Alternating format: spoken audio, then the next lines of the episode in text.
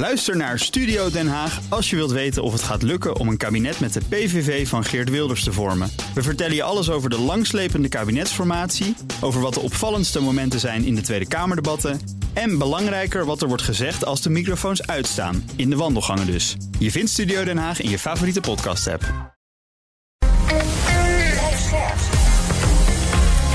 BNR Nieuwsradio. BNR breekt. Ivan Verrips. Goedemorgen en welkom. Vanaf half twaalf praat ik over het nieuws van de dag. Over petities met 10.000 handtekeningen die maar bar weinig opleveren. En het is vandaag de dag dat je niet meer naar de GGD hoeft als je zelftest positief is. Maar verliezen we zo niet zicht op het virus, was toch een van de doelen. Een van mijn panelleden vandaag is Daphne Lodder, voorzitter van de JOVD. Goedemorgen. Hoi, goedemorgen. En de andere is Pieter Lossie, adviseur van de VO-raad. Goedemorgen. Goedemorgen. We gaan beginnen met... BNR breekt. Breekijzer. En dat breekijzer heeft te maken met... Ja, met geld dus. De tegenvallers op de begroting in Den Haag lopen in de miljarden... en daar mag het kabinet een oplossing voor gaan bedenken. Daar hebben ze ruim een maand de tijd voor. Want op 1 juni moet de voorjaarsnota worden gepresenteerd. En als het even kan, moeten ze maatregelen nemen... die ervoor zorgen dat er zo'n 10 tot 15 miljard aan tegenvallers... toch in de staatskas belandt, becijferde de NOS. Die tegenvallers zijn ontstaan door koopkrachtverlies... dat gecompenseerd moet worden, een streep door de spaartax... AOW die toch gekoppeld moet worden aan het minimumloon. Nieuw is een tegenvaller van 1 miljard... want Polen stemde tegen een nieuwe EU-brede vennootschapsbelasting voor multinationals. Een minimumtarief daarvoor. Ons breekijzer vandaag is. En dat is vandaag een vraag. Den Haag zoekt miljarden. Waar gaan we die vandaan halen? Wat zijn jouw suggesties? Misschien denk je aan bezuinigen, maar ja, waarop dan? Of misschien vind je dat de belastingen omhoog moeten, maar bij wie dan? En ook daarop de vraag, waarop dan? Of moeten we wat gaan interen op het ambtenarenapparaat? Of heb je nog hele andere ideeën? Uh, misschien het allemaal lekker ten laste laten komen aan de staatsschuld. Dat hebben we de afgelopen twee jaar ook enthousiast gedaan. Uh, 020 468 4 0 Dat nummer kan je bellen als je een idee hebt waar we 10 tot 15 miljard vandaan kunnen halen. Als je niet wil bellen, kan je wel van je laten horen via de stories van BNR Nieuwsradio op Instagram. Ik leg de suggesties dan, die ook via Instagram uh, uh, binnenkomen, leg ik voor aan mijn gasten. Dus zometeen aan mijn panelleden, maar ook aan Frank van S, senior econoom bij de Rabobank. Goedemorgen, Frank. Goedemorgen. Ja, als breekijzer, Den Haag zoekt miljarden. Volgens de NOS gaat het dus om ergens tussen de 10 en de 15 miljard. Waar gaan we die vandaan halen? Wat zou, zouden jouw suggesties zijn? Nou, ik zou eerst eens kijken naar waar die, waar die schade is ontstaan, zeg maar. Die, die, wat je net aangaf, die, die koopkracht, die spaartax, de AOW. Om te kijken of daar niet, uh, uh, of dat wel degelijk, of dat inderdaad echt uh, verloren miljarden zijn. Mm -hmm. die, die koopkrachtreparatie die is aangekondigd, daar zou ik toch maar eens heroverwegen. In de zin dat het vrij onverstandige maatregelen zijn geweest. Veel te generiek. en daarmee ook te duur. Ja. He, dus, dus dat is volgens mij. Kijk eens naar de maatregelen die, die, die, dit, die, die hoge kosten veroorzaken. Um, en verder, ja. Um, het is, dus, dus ongetwijfeld wel er en der wat te bezuinigen. Maar ik zou ook zeker even naar de vermogensbelasting gaan kijken. Mm -hmm. Niet alleen het repareren van, van het huidige probleem met de spaartax.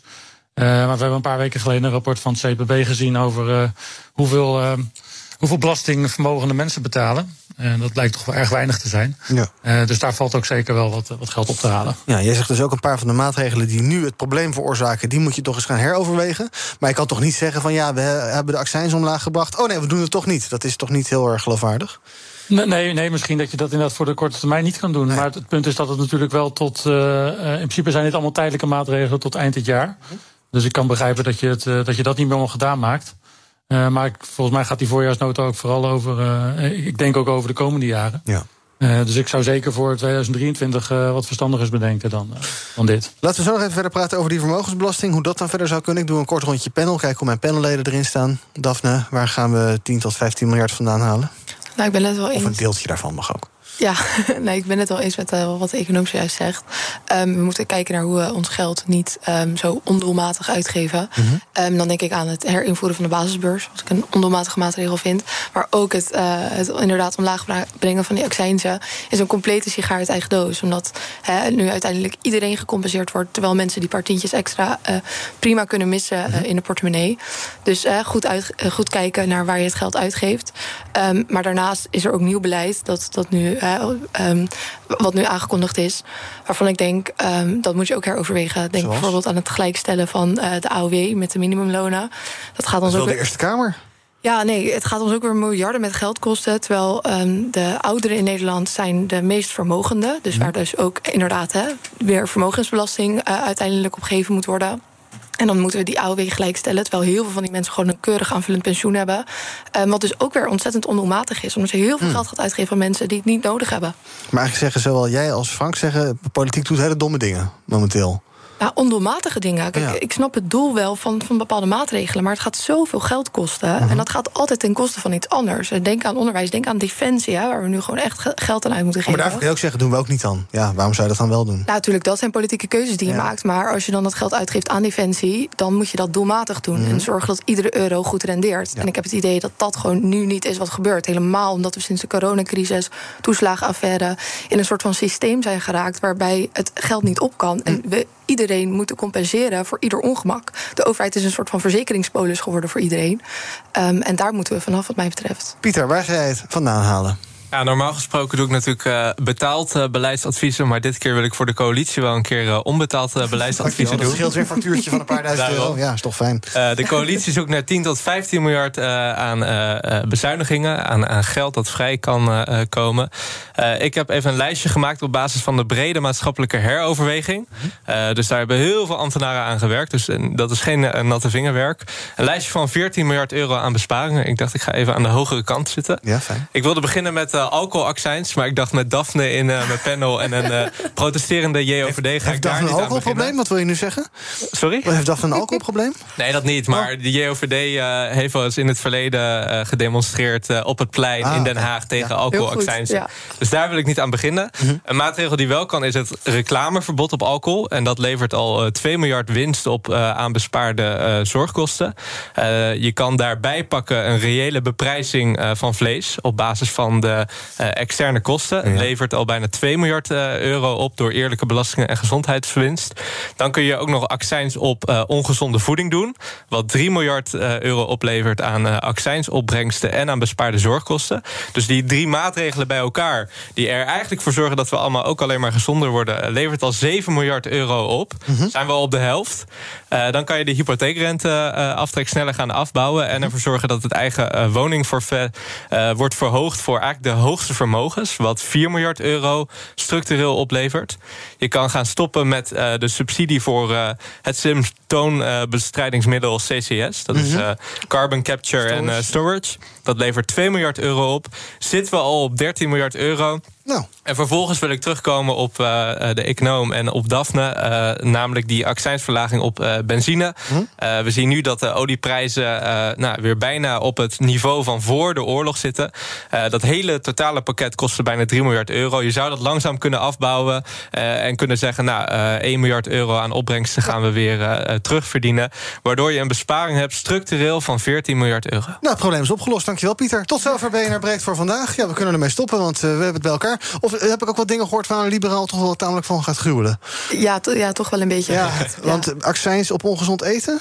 Nee, ja, eh, of op vlees? eh, nou, die, die vleestak, dat, dat snap ik nog wel ergens. Eerlijke prijs waarom? We moeten kunnen blijven barbecuen. Ehm, jawel, maar dan moet je daar een eerlijke prijs voor betalen. Dus dat snap ik. Alleen dat geld wat we daarmee ophalen... moet natuurlijk wel geïnvesteerd worden in duurzaamheid. Mhm. Dus ja, je kan dan niet zeggen van... hé, hey, omdat we nu dat geld binnenhalen... ehm, gaan we dat ook maar uitgeven aan, nou ja, noem eh, X...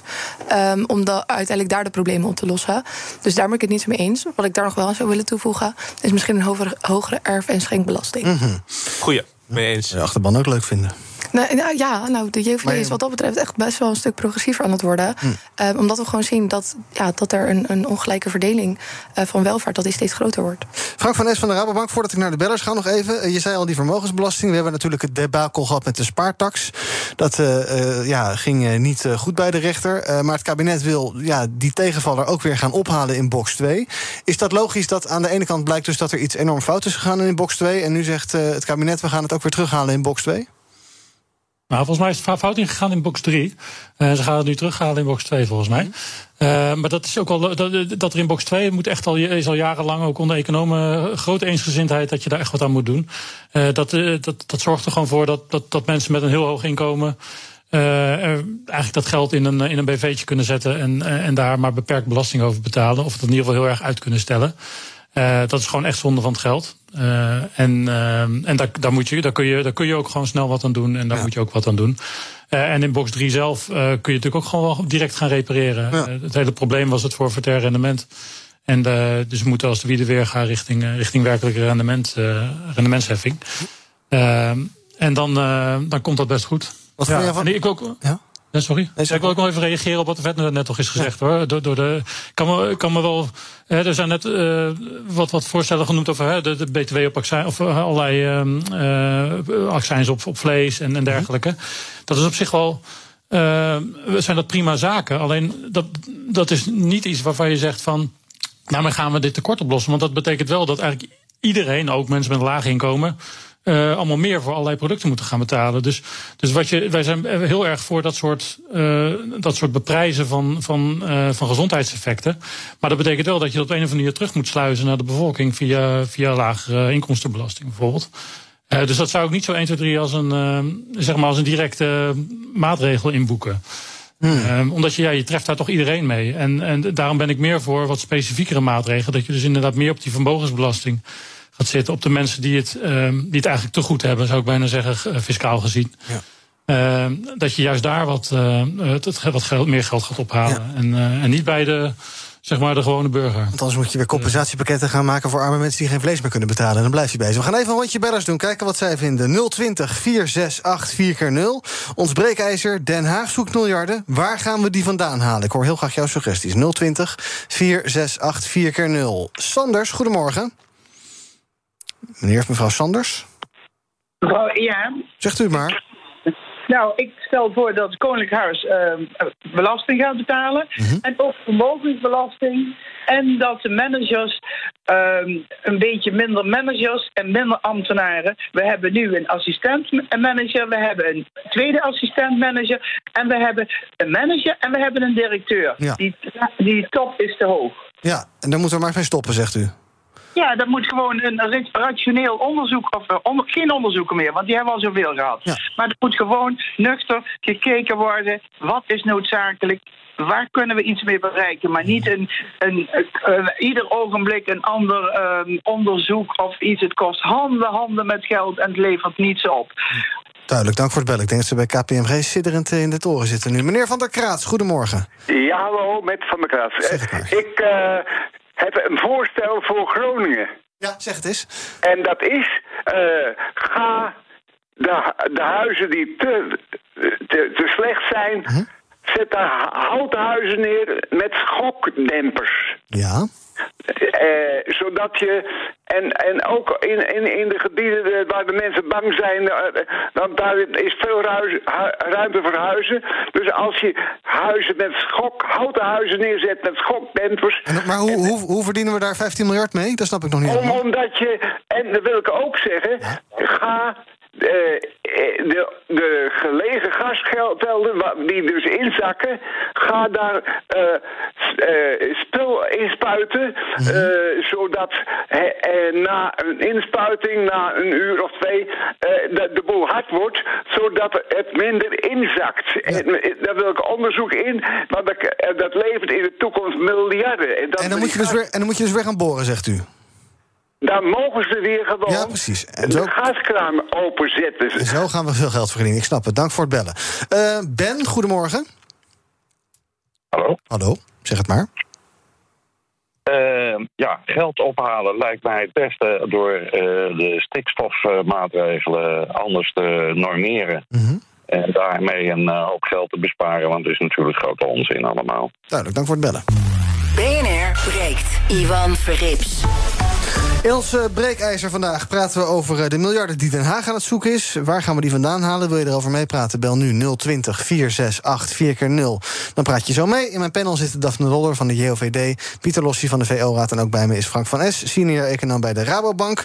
Uh, laten we eventjes bespreken wat we net hoorden. Uh, Pieter, um, ik zag op onze Instagram-pagina, daar kan je ook reageren... daar zei iemand ook al, um, geld van de stikstofgekte... daar moeten we maar eens mee stoppen. Er zit, is natuurlijk een fonds, geloof ik, van 15 miljard ja, of iets dergelijks. Uh, nou, als je daarmee stopt dan heb je gelijk die 15 miljard bij elkaar. Dat is toch veel makkelijker dan het hele pakket van jou, dat lappendekentje. Ja, behalve dat dan uh, de EU aan de deur klopt en uh, zegt... Uh, lieve mensen in Nederland, willen jullie nog aanspraak maken... op jullie corona-herstelgelden? Mm -hmm. dan moeten jullie er wel voor zorgen dat jullie jullie Natura 2000-projecten goed beschermen. Mm.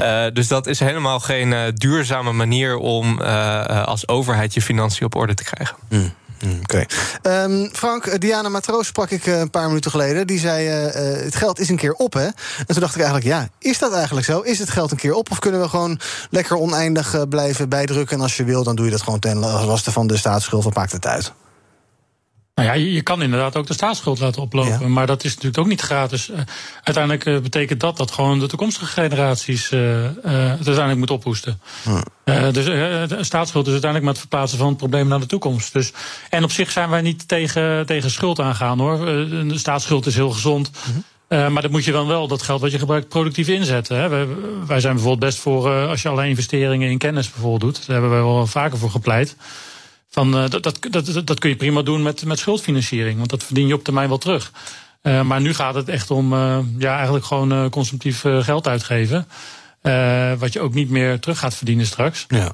ja, dan vind, ik schuld, dan vind ik een oplopende schuld geen, geen goede oplossing. Nee. Heb je nog ideeën voor bezuinigingen? Want ja, de bomen kunnen niet altijd tot in de hemel groeien. Misschien moeten we sommige dingen ook gewoon wat minder gaan doen. Frank? Ja, de, de, de, nou ja, wat, wat net echt, Pieter terecht zei, er liggen hele onderzoeksrapporten van, uh, van ambtenaren. Uh, over wat er allemaal niet her en der bezuinigd kan worden. Ik, ik heb daar zelf niet direct een, uh, een, een, idee over wat dan een hele goede is. maar, dat, maar er is zeker wel veel mogelijk om, om te bezuinigen. Misschien moet je ook, ook inderdaad het ambtenarenapparaat weer eens goed naar zichzelf kijken. Of, of er niet nog wat mogelijk is. Ehm, ja, en vooral, kijk, niet onder. Ik ben het helemaal eens met wat de JOVD eerder zei. Het ondoelmatige, dat is het probleem. Kijk, die AOW bijvoorbeeld, om, om, om die even als voorbeeld te nemen. Uh, van, dan is nu het idee, ja, dan moet die hele AOW meestijgen met, uh, met, het minimum, uh, met het minimumloon. Maar volgens mij wat je ermee wil oplossen, is dat zeg maar AOW'ers met een laag inkomen. -hmm. Dat, dat, die, dat die ook een beetje die welvaartsstijging meekrijgen van, van het minimumloon.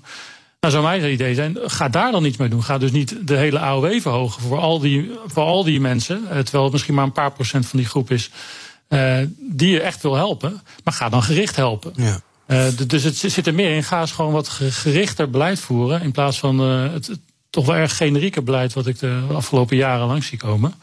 wat uiteindelijk veel efficiënter is. Daphne, wat is er mis met meer accijns op alcohol? Is hartstikke ongezond alcohol. Het is de schadelijkste drug die er is. Nou, het, het, zorgt voor meer overheidsvermoeienis. En ik denk um, dat het niet per se de meest uh, uh, efficiënte maatregel is die je nu kan nemen om uiteindelijk die, die tekorten op te lossen. Mm -hmm. um, denk dan echt eerder aan uh, ja, zaken zoals die hogere erfverschenkbelasting. Um, zorgen dat, dat grote bedrijven meer belasting gaan betalen uiteindelijk. en uiteindelijk ook die ondoelmatige uh, uitgaven, dat je die vermindert. Dus dan kom ik weer terug bij die, bij die basisbeurs die ik ook eerder al noemde. Ja. Maar ook zeker uh, de, de AOW, verho de verhoging van de AOW. Um, dus ja, dat, dat zijn maatregelen die je, die je beter, wat mij betreft, zou kunnen inzetten uh, dan een uh, accijnsverhoging. Pieter, jij weet veel van de onderwijswereld. Kunnen we daar nog ergens een paar miljard van afschaven? Dat onderwijs, joh, dat uh, is ook zo dik belegd allemaal. Nou, dat, dat valt wel mee. Uh, als je Europees gezien kijkt, dan investeren we echt niet heel veel relatief ten opzichte van andere landen in ons onderwijs. -hmm. en die investeringen per leerling en per student zijn de afgelopen tien jaar ook afgenomen. Maar goed, ik heb toch inderdaad even eerlijk naar mijn eigen sector ook gekeken. en wat je bijvoorbeeld zou kunnen doen, en dat zou tot maximaal een structureel 1 miljard euro kunnen besparen, is dat je de vaste onderwijstijdsnorm in het voortgezet onderwijs loslaat. -hmm. dus dat betekent nu dat iedereen in het voortgezet onderwijs, elke leerling 1040 uur naar school moet.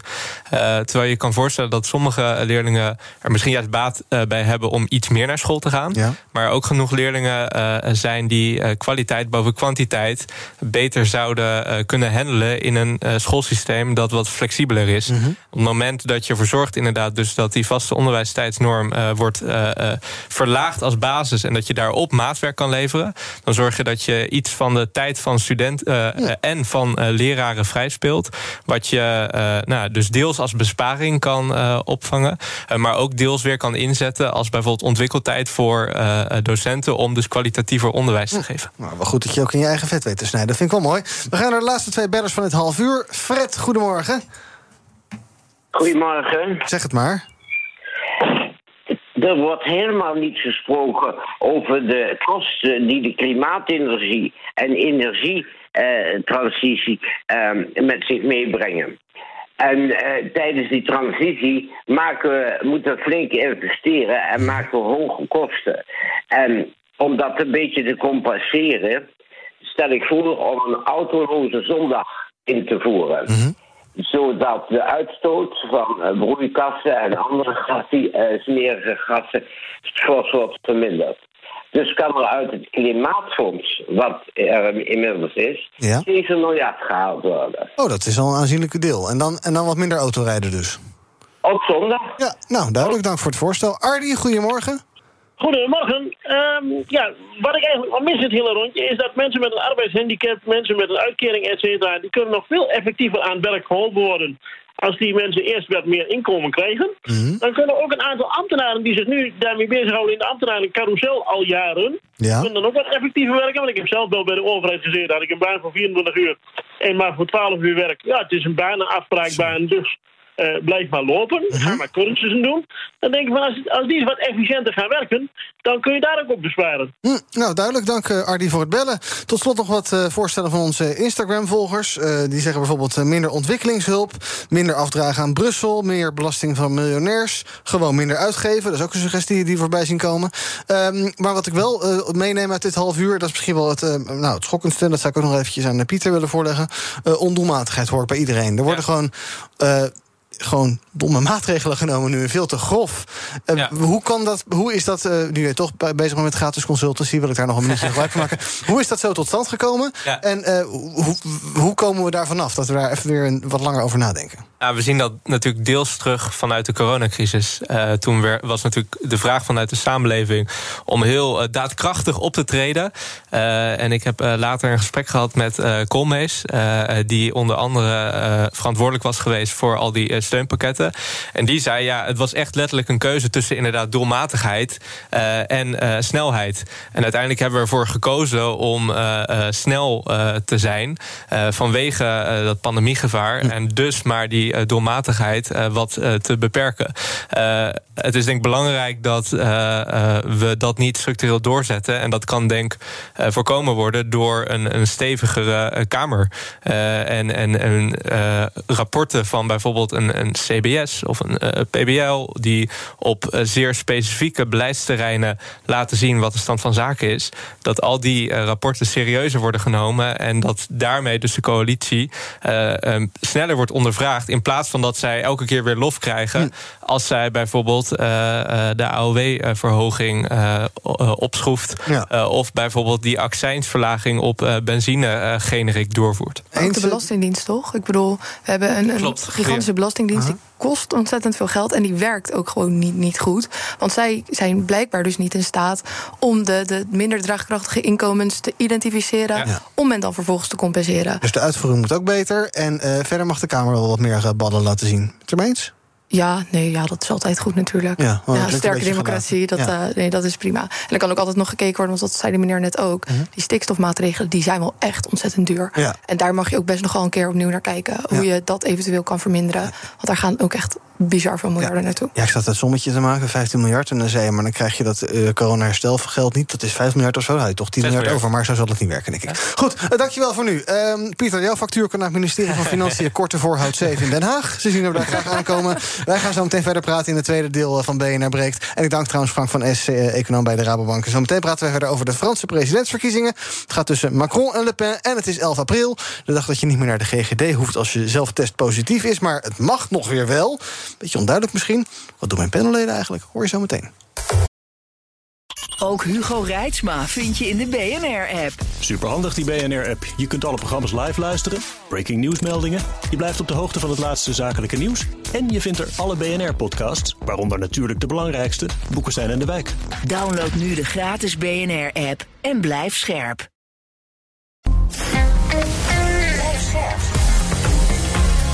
BNR Nieuwsradio. BNR breekt. Ivan Verrips. Welkom terug. In mijn panel vandaag Pieter Lossi, adviseur van de VO-raad... en Daphne Lodder, voorzitter van de JOVD. We gaan praten over het nieuws van de dag. En we beginnen bij petities. Want wat blijkt, grote petities die vele duizenden handtekeningen verzamelen... die leveren eigenlijk maar bar weinig op. Hè. Je kent ze wel, ik noemde er al een paar. Het algehele vuurwerkverbod. Uh, Zwarte Piet moet weg of juist terug. De pensioenleeftijd moet weer naar 65. Miljoenen Nederlanders die willen het, maar het gebeurt eigenlijk niet. Petities, een geëikt middel om de politiek in beweging te krijgen... maar eh, onderzoek van BNR wijst dus uit dat grote petities vaak stranden. Hangt er ook vanaf waarover je een petitie start, zegt Reiner Rustema, oprichter van petities.nl. Als je een, uh, een goed doordachte, met goede argumenten opgestelde petitie begint over iets waar de coalitie niet echt uitgesproken over is, ja, dan kan er van alles gebeuren. Je moet een beetje dus wrikken in waar het uh, licht schijnt in de uh, coalitie. En verder zei Rustema ook van ja, het moet vooral inhoudelijk zijn en probeer de emotie er een beetje uit te halen. Hebben jullie veel ervaring met de petities, Daphne? Ben jij een Nou, ik krijg ze vaak doorgestuurd. Maar mm. het is niet dat ik denk van, nou, ik ga een petitie starten. En nee. ik denk ook dat je antwoord hierop ook een beetje is... ja, het hangt ervan af hè, wat voor petitie dat het is. Want ja. in de coronacrisis zag je natuurlijk dat daar tal van petities voor zijn opgericht... waar inderdaad dus die emotie heel vaak uh, nou, in terug te vinden is. En ik denk ook dat het logisch is dat de overheid zegt... nou, daar doe ik wat, wat minder mee. Um, maar zoiets als het vuurwerkverbod, mm -hmm. bedoel, dat is superzinnig. En ik denk dat dat ook iets is, daar kun je heel makkelijk... Hè, je kunt je inbeelden dat je echt heel duidelijk voor of tegen bent. Ja. Um, en dan kan de politiek ook zeker, en dat zou ze ook moeten... Um, wat, wat daarmee doen. Um, maar ja, voor al die emotionele petities. Uh, ja. ja. ik wil ook wel liever eerder stoppen met werken. Weet je wel, lagere AOW-leeftijd. ja. ja, tuurlijk zou ik voorstemmen. Maar goed, heeft dat, is dat dan ook echt politiek gezien uh, iets waar je dan wat mee moet? Maar al, maar al die coronapetities zijn toch niet per definitie alleen maar emotionele petities? Want mensen die tegen 2G zijn, die hebben daar vast allerlei inhoudelijk goede argumenten voor. Dus waarom dan vuurwerkverbod wel en corona niet? Nou, omdat ik denk dat, uh, dat bij een vuurwerkverbod kun je heel makkelijk voor jezelf de, de, de pros en de cons mm. tegenover elkaar hè, stellen. En zeggen van nou ja, minder vuurwerkslachtoffers vind ik heel zinnig. Uh, veiliger omgeving, noem maar op. Of ik wil gewoon graag het plezier hebben van uh, nou, mijn, hoe zeg je dat? Romeinse kaars kunnen mm -hmm. afvuren ja, of zo. Ja, um, en daar kun, kan iedereen een hele goede persoonlijke belangenafweging, denk ik, in maken. Terwijl als je kijkt naar zoiets als 2G, daar spelen zoveel verschillen. groot. Ja, dat denk ik ah. wel, zeker. Ja. En is de JOVD een beetje een petitiepartij? Um, Partijclub? Uh, nee. Starter nee, van petities? Nee. Het valt, valt wel mee. We hebben wel laatst uh, een um, manifest aangeboden over Oekraïne. Dus dat is wel iets wat we, wat we doen. Maar ja. dat is weer anders dan ja. petitie. Ja, waarom niet? Want je zou, als je een goede petitie hebt, dan kan je natuurlijk best wel mee losmaken. Of, of vind, je het, vind je het niet een geweldig instrument? Um, nou ja, wat ik zeg, het ligt er dus echt aan wat het, het, onderwerp is. Of en als JOVD zijnde, dan wil je het liever doen. Hè, of intern, dat je de politiek mm -hmm. direct opzoekt. Of via een opiniestuk in in de krant bijvoorbeeld. Pieter? Ben jij een petitiemens? Maar wat is de laatste uh, petitie die je getekend hebt? Die ik getekend heb, dat was denk ik een petitie uh, vanuit een groepje wat ik zelf gestart ben. Uh, Jij hebt over... petitie getekend? Ja, zeker. Oh, mooi. Ja, ja een beetje ja. WC1 natuurlijk goed, dit, maar goed. Uh, over stemrechtleeftijdsverlaging naar 16 jaar. in alle eerlijkheid ehm, zijn petities in mijn ervaring ook nooit het meest effectieve middel geweest. Wel om zaken te agenderen. En ik denk dat het daarvoor belangrijk is. Maar wat Daphne al even aanhaalde, wat volgens mij veel beter werkt vaak, is uh, het samenbrengen van vertegenwoordigende partijen in bijvoorbeeld een manifest. Mm -hmm. Omdat je daar veel uh, kwalitatiever zaken op de agenda weet te krijgen, maar daarbij ook echt uh, beleidsalternatieven voorstelt. En zo'n petitie is vaak natuurlijk vrij kwantitatief van aard. Daar staat een bepaald cijfer achter van ja. hoeveel mensen dat ondertekend hebben, waarvan je ook nog geen eens helemaal zeker weet of er daadwerkelijk zoveel mensen dat ondertekend hebben. Ik snap ook niet waarom niet heel veel meer mensen uh, werken aan bijvoorbeeld een burgerinitiatief, waar mm -hmm. je dus 40.000 uh, handtekeningen nodig hebt om daadwerkelijk een uh, staatsrechtelijke procedure in gang te zetten. Ik denk over het algemeen dat dat effectiever is. Maar ik denk dat in consensusdemocratie Nederland zo'n kwalitatieve manier van via vertegenwoordiging vertegenwoordigingsorganen zaken op de politieke agenda zetten, over het algemeen uh, effectiever is. Ja, maar dan is het dus geschreven door uh, uh, vertegenwoordigers van jonge organisaties en wat hoogleraren, weet ik veel, staat op pagina 8 van NRC, leest ja. geen hond. Nou, terwijl als nou. je een petitie hebt die 285.000 keer ondertekent, dan denk je zo, dat zijn heel wat mensen die dat vinden. Ja, maar uh, het aantal keer dat een petitie 285.000 keer wordt getekend is uh, vrij beperkt. Ja. Dus ik kan me voorstellen dat het bij echt uh, hetere hangijzers in de samenleving eh, effectief kan zijn. Maar bijvoorbeeld voor zo'n, eh, om mijn eigen voorbeeld te gebruiken, eh, stemrechtleeftijdsverlaging naar 16 jaar. Dat speelt blijkbaar te weinig om daar echt eh, massa voor te mobiliseren. En dan is het minder effectief. Nog even naar het vuurwerkverbod. Ik zie nu op petities.nl 470.000 ondertekeningen. Ehm, dat, eh, ja, verbod, dat, dat, dat werd dus heel vaak ondertekend. Maar dat verbod kwam maar niet zo snel, vertelt oogarts Tjeerd de Faber. Hij is initiatiefnemer van het Vuurwerkmanifest. En dat zei hij vanochtend hier bij BNR. Als petitieontwerper moet je je realiseren dat je best wel lang bezig kan zijn. In ons geval is het dan eh, zeven jaar dat we uiteindelijk dit in de Tweede Kamer gekregen hebben in de, in, in vorm van een eh, wetsvoorstel. Maar in, intussen hebben we wel 700.000 eh, particulieren en 1300 organisaties een, eh, een stem gegeven die eigenlijk niet gehoord zou worden. Ja, je moet dus ook geduldig zijn. Referendum dan maar. Goed idee, Daphne? Ehm, nou, ik, ik denk dat het eh, een beetje een misvatting is dat ehm, nu als je petitie start, dat je dan binnen een jaar een nieuwe wet op tafel hebt liggen. Hè? Want ik bedoel, onze Nederlandse democratie is een onwijs eh, log en, en bureaucratisch systeem. Dus ja, stel je voor dat, dat je met de, met petitie wel ineens heel snel het resultaat kan, eh, kan bereiken. Dat is natuurlijk ook niet waar. Ehm, referenda zouden een, een iets beter alternatief zijn, omdat ze zorgen dat, dat er iets meer maatschappelijk debat eh, plaatsvindt. Eh, dus de burger daardoor een meer geïnformeerde eh, mening heeft en daardoor een goede beslissing neemt. Ehm, maar goed, ja, ik, ik vind het toch suboptimaal. Ja, ik heb zelf ook ooit een petitie gestart. Die staat nog steeds op petities.nl. Bla blauw bord moet blijven over dat grote klapperbord op Utrecht Centraal. Ik vond het toch Oh, goed blijven. goed. 14 1450 ondertekeningen. Bord is inmiddels weg. Ik heb er wel een iPad aan overgehouden. Dat doen we wel. Eh, we gaan praten over ander nieuws van vandaag. Ja, kreeg ik van NS. Ik was bij de uitreiking. Daarmee hebben ze me kalt gesteld. En toen was het weer klaar. Ehm, we gaan naar het zelftesten. Vanaf vandaag hoef je na een positieve eh, corona-zelftest... niet meer naar de GGD om je test te laten bevestigen. Ehm, wel blijft het voorlopig mogelijk om je te laten testen... als je dat wil voor een herstelbewijs. Of ook voor kwetsbare ouderen bijvoorbeeld... die eh, geen zelftest kunnen doen. Luister even mee naar Marion Koopmans, de bekende viroloog van het Erasmus MC. Die vertelde vanochtend dat er nog steeds eh, andere manieren zijn... om besmettingen te constateren, gelukkig. Dat geeft een hele onafhankelijke meting van wat er circuleert in een, in een bepaalde omgeving. Ja, en daarmee doelt ze dus op meten via rioolwater.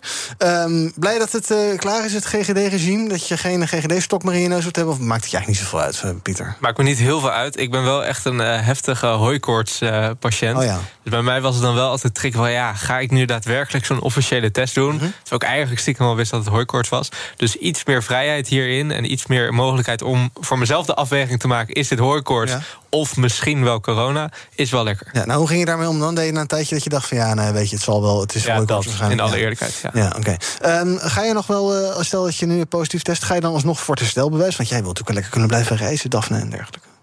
Ehm, denk je, mooi. ja, nee, ik, ik weet niet. Ik, ik ging eigenlijk sowieso al eerder uit van, van het vooral doen van zo'n zelftest. Ja. En die is tot nu toe altijd negatief geweest. Dus ik heb niet echt zelf hoeven nadenken over de consequenties daarvan. En ik heb nog een herstelbewijs, ben nog gevaccineerd en noem maar op. Dus volgens mij ben je dan wel redelijk safe eh, Ja. de komende periode in ieder geval. Ehm, het is natuurlijk wel afwachten wat de maatregel doet op lange termijn. Eh, als we dadelijk weer in het najaar zitten, ben ik heel erg benieuwd wat de ontwikkelingen gaan zijn. Maar voor nu is dit alleen maar mooi nieuws natuurlijk. Fijn. Ja. Het OMT adviseerde een paar maanden geleden al eh, om na de Omicron-piek over te stappen op deze teststrategie. Experts zeiden wel, ja, dan moet je die zelftest misschien gratis beschikbaar gaan stellen. Maar dat wil, daar wil het kabinet niet aan. Bij de supermarkt en de drogist betaal je, nou ja, een eurotje of drie of zo voor een zelftest. 3,95 of 2,95 of iets dergelijks. Is het dan nu tijd als je zegt, Pieter, die eh, eh, GGD's die kunnen we een beetje gaan afbouwen. Die kosten, daar zijn we vanaf. Dat we alsnog die zelftesten gaan verstrekken? Of ben je daar wel voor terug, eh, terughoudendheid? Ik denk ook even aan de doelmatigheid van vorig half uur. Ja, nee, ik, ik ben het er wel volledig mee eens dat gezondheid voor iedereen toegankelijk moet zijn. En dat nog steeds in de naweeën van deze pandemie je dus moet willen eh, dat die testen voor iedereen eh, toegankelijk eh, zijn. Ik ben het wel, maar dat is meer een algemeen punt. Er zijn ook mensen die elke dag, ook zonder klachten, testen. En daarvan denk ik wel inderdaad al die plastic troep en die kosten inderdaad die daardoor gemaakt worden, dat hoeft niet. Testhufters. Nou, dat gaat een beetje ver. Oh, maar... Ja. Blijf jij nog maar een paar eurotjes uitgeven elke week om eh, testjes te kopen? Jij krijgt ze via mijn werk en Oh. studenten mogen ze Kan je verkopen op. Marktplaats? Ja, nee, Slim om te doen. een handel. Nee, maar ik, ik denk dat het wel een goed idee is als werkgevers daar gewoon verantwoordelijkheid in nemen en eh, ze verstrekken. Daphne Lotter, de Siewert van deze evidentie. Goed. Bij BNR ben je altijd als eerste op de hoogte van het laatste nieuws. Luister dagelijks live via internet. Bas van Werven. En heel langzaam komt de zon op rond dit tijdstip. Je krijgt inzicht in de dag die komt op BNR, het Binnenhof in Nederland en de rest van de wereld. De Ochtendspits. Voor de beste start van je werkdag. Blijf scherp en mis niets. BNR breekt. We gaan naar wat jullie opviel in het eh, nieuws vandaag, Pieter en Daphne. En jullie wilden het alle... Is dat nou eh, Thomas die heel hard hoest of niet? Zelftestje. Ik dacht even dat ik heel hard hartje hoorde. Nee, goed. Eh, jullie willen het allebei hebben over de presidentsverkiezingen in Frankrijk. Het wordt er toch weer een strijd tussen Emmanuel Macron en Marine Le Pen. Eh, Macron heeft de eerste ronde van de presidentsverkiezingen gewonnen... met 29% van de stemmen. Le Pen werd tweede, 24% ongeveer. Luister even mee naar Macron gisteravond in een eh, speech... na de eerste uitslag. I invite een- solemnly Wacht, ik ga het onderbreken, want je hoort een mevrouw spreken. Dat is niet Macron, maar die mevrouw die vertaalt het in het Engels... waardoor ook anders mensen die geen Frans spreken het snappen. Komt-ie. I invite solemnly all of my citizens, whatever your beliefs and whatever your choices in the first round, to join us. leur sensibilité et quel qu'ait été leur choix au premier tour, à nous rejoindre. Some will do it to build a wall against the extreme right. I'm fully aware that that is that that might not be the support of our particular project, but I respect it. But I, I know that is the choice of Jean-Luc Mélenchon. Je sais que c'est le choix fait, par Mélenchon. exemple, Al dus Emmanuel Jean-Luc Mélenchon. Macron gisteravond en een mevrouw die dat een beetje hortend en stotend vertaal- vertaalde. Eh, Daphne, eh, interessante uitslag. Ja, ja, absoluut. Het is eh, voor Macron natuurlijk eh, ligt er nu een, een lastige opgave. Want eh, nou ja, extreem rechts moet hij in die zin tevreden zien te houden. Omdat anders nou ja, Le Pen zomaar al die stemmen kan binnenhalen. Maar aan de andere kant is er ook, zijn er heel veel mensen die thuis blijven. Ook historisch lage, lage opkomstcijfers. Vooral ook veel jongeren die thuis zijn gebleven daar. En er is ook nog een hele linkerflank die zich nu überhaupt niet vertegenwoordigd voelt. Dus hoe ga je die? ehm, ja, hoe ga je ervoor zorgen dat zij komen om te, om te stemmen? Ehm, dus er moeten denk ik hele interessante keuzes gemaakt worden. Ehm, en eh, ja, dat, dat ja, is wel interessant eh, om dat te volgen. Ja, is het belangrijk voor Nederland ook? Ja, natuurlijk. Ja, want eh, Frankrijk is ontzettend toonaangevend in de, in de Europese Unie. Ehm überhaupt eh, zijn wij eh, helemaal gebouwd op een Frans model, om het maar zo te zeggen. Dus wat daar gebeurt is zeker voor ons ontzettend belangrijk. En ook een Le Pen die bijvoorbeeld totaal geen interesse heeft... of in ieder geval een stuk minder interesse in, ehm, in lidmaatschap van, van de EU... en nou ja, alle, alles wat, daar, wat daarbij komt kijken. Ehm, dat is voor ons natuurlijk ook belangrijk. Helemaal nu we te maken hebben met een, met een Rusland en een Oekraïne in een oorlog. Ja. Pieter, waar gaat jouw eh, specifieke interesse naar uit? Of waar heb jij Nou ja, goed op gelet? Wat ik interessant vind, is dat eigenlijk Macron er juist baat bij heeft gehad dat jongeren minder zijn gaan stemmen.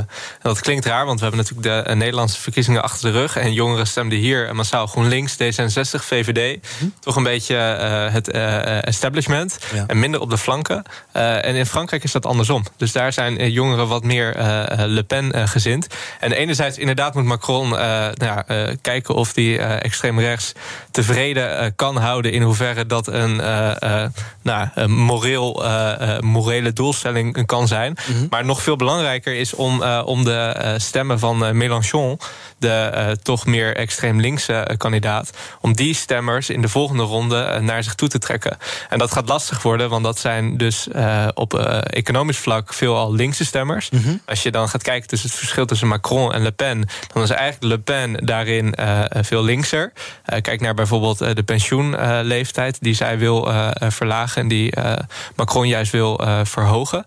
Eh, maar op cultureel gebied heeft eh, Macron dan wel weer iets meer met die stemmers, omdat eh, Macron wat progressiever natuurlijk is, een stuk progressiever dan Le Pen. Eh, en eh, Mélenchon-stemmers dat over het algemeen eh, ook zijn op eh, eh, de Europese Unie na. Eh, dus het gaat nog echt een eh, zeer eh, lastige eh, en eh, spannende strijd worden, omdat als je de stemmen van eh, alle eh, partijen van eh, gisteren opstemt die niet eh, Le Pen en Macron zijn. eh, en dan dat verdeelt onder een rechterflank van eh, Le Pen en een linkerflank van eh, Macron. Dat ze dan ongeveer evenveel procentueel gezien stemmen gaan hebben. Ja. Eh, dus dat gaat echt een nek-aan-nek race worden. Ja, doe nog even je consultancy pet op. En wat is dan jouw advies aan het Elysée-paleis voor Macron? Ja, eh, toch ehm, eh, zoeken vanuit het, het midden dat hij probeert te beamen naar eh, een, een alternatief voor mensen op links. We hebben natuurlijk de gele hesjes gehad. Eh, we hebben nu door de recente sancties op uh, Rusland uh, gehad. Dat ook in Frankrijk koopkrachtplaatjes er minder goed uitzien. Mhm. En tegelijkertijd zie je qua beleid van Macron dat hij soms vrij neoliberaal beleid heeft doorgevoerd. ervoor heeft gezorgd dat bijvoorbeeld werkgevers veel minder gereguleerd worden. ik denk dat Macron toch vooral aan werknemers en aan de meer linkse flank duidelijk moet maken dat hij er ook voor hen is. Ja.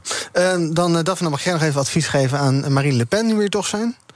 Ik denk dat, uh, nou, dat ze dat advies al, um, tenminste wat, wat, ik haar zou adviseren, dat ze dat al een beetje doet. Ze is natuurlijk al een, uh, een wat, wat linksiger, quote-unquote, mm -hmm. beleid uh, gaan, gaan verkondigen. Um, en ik denk dat als ze dat blijft doen, dat dan een hoop kiezers die misschien ook teleurgesteld zijn in het presidentschap van Macron, uiteindelijk wel haar kant zullen, zullen kiezen. Dus dat, dat zou mijn advies voor haar zijn. Ze moeten allebei aan de bak de komende tijd. Dat sowieso. Ja, dat is spannend. Dat is leuk toch? Maakt, maakt politiek een beetje leuk. Ja, wel leuk, maar de, de, uitkomsten kunnen wel heel gevaarlijk zijn voor de stabiliteit van de Europese Unie, van uh, Als NAVO. Als toch kiezen voor Le Pen, wordt het toch gewoon Le Pen? Nee, dat is zeker. Dus dat, uh, dat wil ik ook niet uh, betwijfelen. Of dat recht gun ik ze van harte. maar ik hoop dat de Fransen verstandiger zijn. Ja, voor, voor de EU en voor ons is dat natuurlijk uh, belangrijk als we kijken vanuit de Nederlandse belangen. Maar ik denk dat als je kijkt wat er gebeurt in Frankrijk, er is natuurlijk ontzettend veel onvrede. Uh, heel veel mensen voelen, voelen, zich niet gehoord. En um, ja, er, er is ook armoede daar natuurlijk. En als een president alleen maar loopt te verkondigen dat het, eh, dat het goed gaat en uh, nou ja, ja. Amars en zo, Dan, ja, dan, dan kan ik me heel goed voorstellen dat Fransen zeggen: ja, we willen nu wat anders. En uh, Le Pen die kan dit, uh, dit voor ons zijn. Ja, Pieter, kan je wel aan Brussel denken, maar daar denken die Fransen natuurlijk helemaal niet aan. Nee, dat klopt. En dus mijn laatste advies voor Macron: ga iets meer bij de mensen staan. Want tot nu toe is hij vrij afstandelijk geweest in zijn campagne. Hij is ook best laat begonnen. Het zou denk ik goed zijn, zeker voor die links linkse kiezersgroep die op eh, Mélenchon heeft eh, gestemd. Als hij wat meer inderdaad eh, het land intrekt. Want juist in de periferie, daar heeft Le Pen veel aanhang mhm. zitten. Juist rond de stedelijke kernen, daar zit veel van de aanhang van Macron. En nu is aan hem de taak om zich te verbreden richting die periferiegroep. Goed, uh, dat factuurtje mag naar het Elysée-paleis. Tot slot van deze uitzending gaan wij naar uh, de trending. Kijken wat er op de socials allemaal leeft. Veel hashtag boer zoekt vrouw. Daar keken 3,6 miljoen mensen naar. Dus logisch dat er over gepraat wordt. Over boer Rob, die met zijn gitaar en twee dames... Country Road Song van John Denver. Hashtag Dirk Kuyt is trending. De oud-voetballer maakt later dit jaar zijn debuut als tv-boxer... in een nieuwe tv-show, die heet Hit It. Ook de welbekende Rico Verhoeven doet mee. Ik zou mijn geld inzetten op Rico. En ook trending is hashtag Wie is de Mol. Is een van jullie volger van de Belgische Wie is de Mol? Nee. Nee, dan kan ik hier veilig praten. Ook voor luisteraars die uh, dat uh, wel volgen Zet even de radio uit. Ja, staat hij uit? Ja, mooi, oké. In de Vlaamse versie zagen kijkers een merkwaardige gebeurtenis. Deelnemer en de mol, Philippe, weten we inmiddels, heeft besloten dat hij ermee stopt. Hij kan het allemaal niet meer aan, slaapt geen seconde meer, is vrijwel totaal los. En ook dacht hij dat hij zichzelf als mol had verraden... omdat hij in zijn slaap had gesproken over een opdracht... en een kamergenoot hem erop wees. Ja, ja. Tot slot nog even... Wat er? Nee, interessant. Ja, zeker. Daarom vertel ik het ook. Ja, nee, ja. dat is wel maar indruk. Ja, nou ja, ik zou dus denken, nu je dit zo weet... eigenlijk moet je gewoon als kandidaat van Wie de Mol... altijd zeggen dat je van iemand anders hebt gehoord... dat je hem of haar s'nachts hebt horen praten. En als diegene dan in een soort rolberoerte raakt... dan weet je dat het inderdaad de mol is. Ja. De, de Wie is de Mol-productie mag contact uh, opnemen met jou, uh, Iwan, hoor ik, voor het volgende seizoen. Zo'n factuurtje die kant op. uh, dan nog even de uh, vraag der vragen van vandaag. Zetten jullie, jullie fiets wel op de juiste manier op slot? Ik heb een swapfiets, dus dat, die worden niet zo snel gestolen. Dus ja, ik zet hem wel aan dat dubbele slot. één of twee f twee sloten? Ja, dus ik zet hem aan die ketting ook. Maar dan niet ergens aan vast. Pieter? Ah, ik heb een fiets die ik al nu zo'n zeven jaar gebruik. Uh, dus het zou geen ontzettend grote ramp zijn als die zou worden gestolen. Dus ik heb maar één slot in alle Je bent niet zuinig op je fiets? Jawel, zeker wel. Daarom heb ik hem ook al zeven jaar. Ja. Ja. Oké, maar hij is nu al een beetje klaar eigenlijk. Nou, niet per se, maar om uh, overal naartoe zo'n zwaar hangslot uh, mee te gaan sjouwen, vind ik ook wel wat. Ja, uit het onderzoek van de, onder andere de Rijvereniging en een of ander keurmerk blijkt dat weinig Nederlanders maar hun fietsen goed op, op, op, slot doen. Geen tweede slot, inderdaad. En ze bevestigen hem ook niet aan een vast object op straat. Moet dus allemaal wel. Wordt jouw volgende fiets een e-bike? Dat denk ik niet. Uh, nee, dat denk ik niet. Maar ik vind het wel irritant dat er zoveel e-bikes gestolen worden. Oh ja. Logischerwijs. Maar uh, zo'n e-bike vind ik zo'n onschuldig product. En dat er inderdaad dan mensen zijn die het in hun hoofd halen om dat dan te gaan stelen, ja, dat Ja. doet me wat. ik merk het, ja. Uh, Daphne, jou, heb jij een, een normale swapfiets? Want de e- swapfiets heeft tegenwoordig ook, ook e-bikes, geloof ik. Nee, daar heb ik geen geld voor. Nee, nee. Ik heb Is dat gewoon- zo duur? Ja, volgens mij kost het echt 70 euro in de maand of zo. Ja, dat is echt niet te betalen. Ja, dus jij trapt gewoon op uh, mensen. Ja, en die swapfiets die worden dus ook niet zoveel... Ja, ik wil nu geen reclame gaan voeren voor, voor swapfiets. Maar goed, die worden dus niet zo, uh, niet zo snel gestolen ook. Omdat ze weten dat ze daar niks mee kunnen. Mocht je fiets dan wel gestolen worden... ik denk dat dat ook beter is, is waar je wat aan kan doen... dan kan je natuurlijk s'nachts op straat voor 5 euro een nieuwe vinden. En dat is natuurlijk wel... Hè, dat zorgt ervoor dat niemand het zo heel erg meer boeit... dat je Mhm. fiets wordt gestolen. Want Ja. er is gewoon een onwijze zwarte markt. Ja, waar ga jij je volgende fiets halen? Ergens bij een of ander uh, achterafsteegje voor uh, twee tientjes en een uitrijkaart? Of uh, wel netjes bij een uh, fiets? Nee, zeker wel netjes. Misschien ja. ga ik wel een uh, swapfiets uh, overwegen. Ik hoop niet dat de vraag nu zo hoog wordt dat, dat de prijs alleen maar. Ook facturen sturen. Nou, goed. Laten we hier nog uitgebreid over doorpraten. Maar wel na de uitzending, want hij staat al te trap. Nou, is hij daar eigenlijk wel? Hallo? Thomas? Nee, nog niet. Nee, hij is er nog niet. Nou, we zouden nog even door kunnen praten, maar ik denk toch dat hij wel graag gaat beginnen. Uh, over een paar minuutjes op deze zender. Zaken doen met Thomas van ook Harm Edens vind je in de BNR-app. Je kunt BNR Duurzaam niet alleen live luisteren in de app, maar ook terugluisteren als podcast, zoals al onze podcasts. En naast dat de BNR-app Breaking News meldt, houden we je ook op de hoogte van het laatste zakelijke nieuws. Download nu de gratis BNR-app en blijf scherp.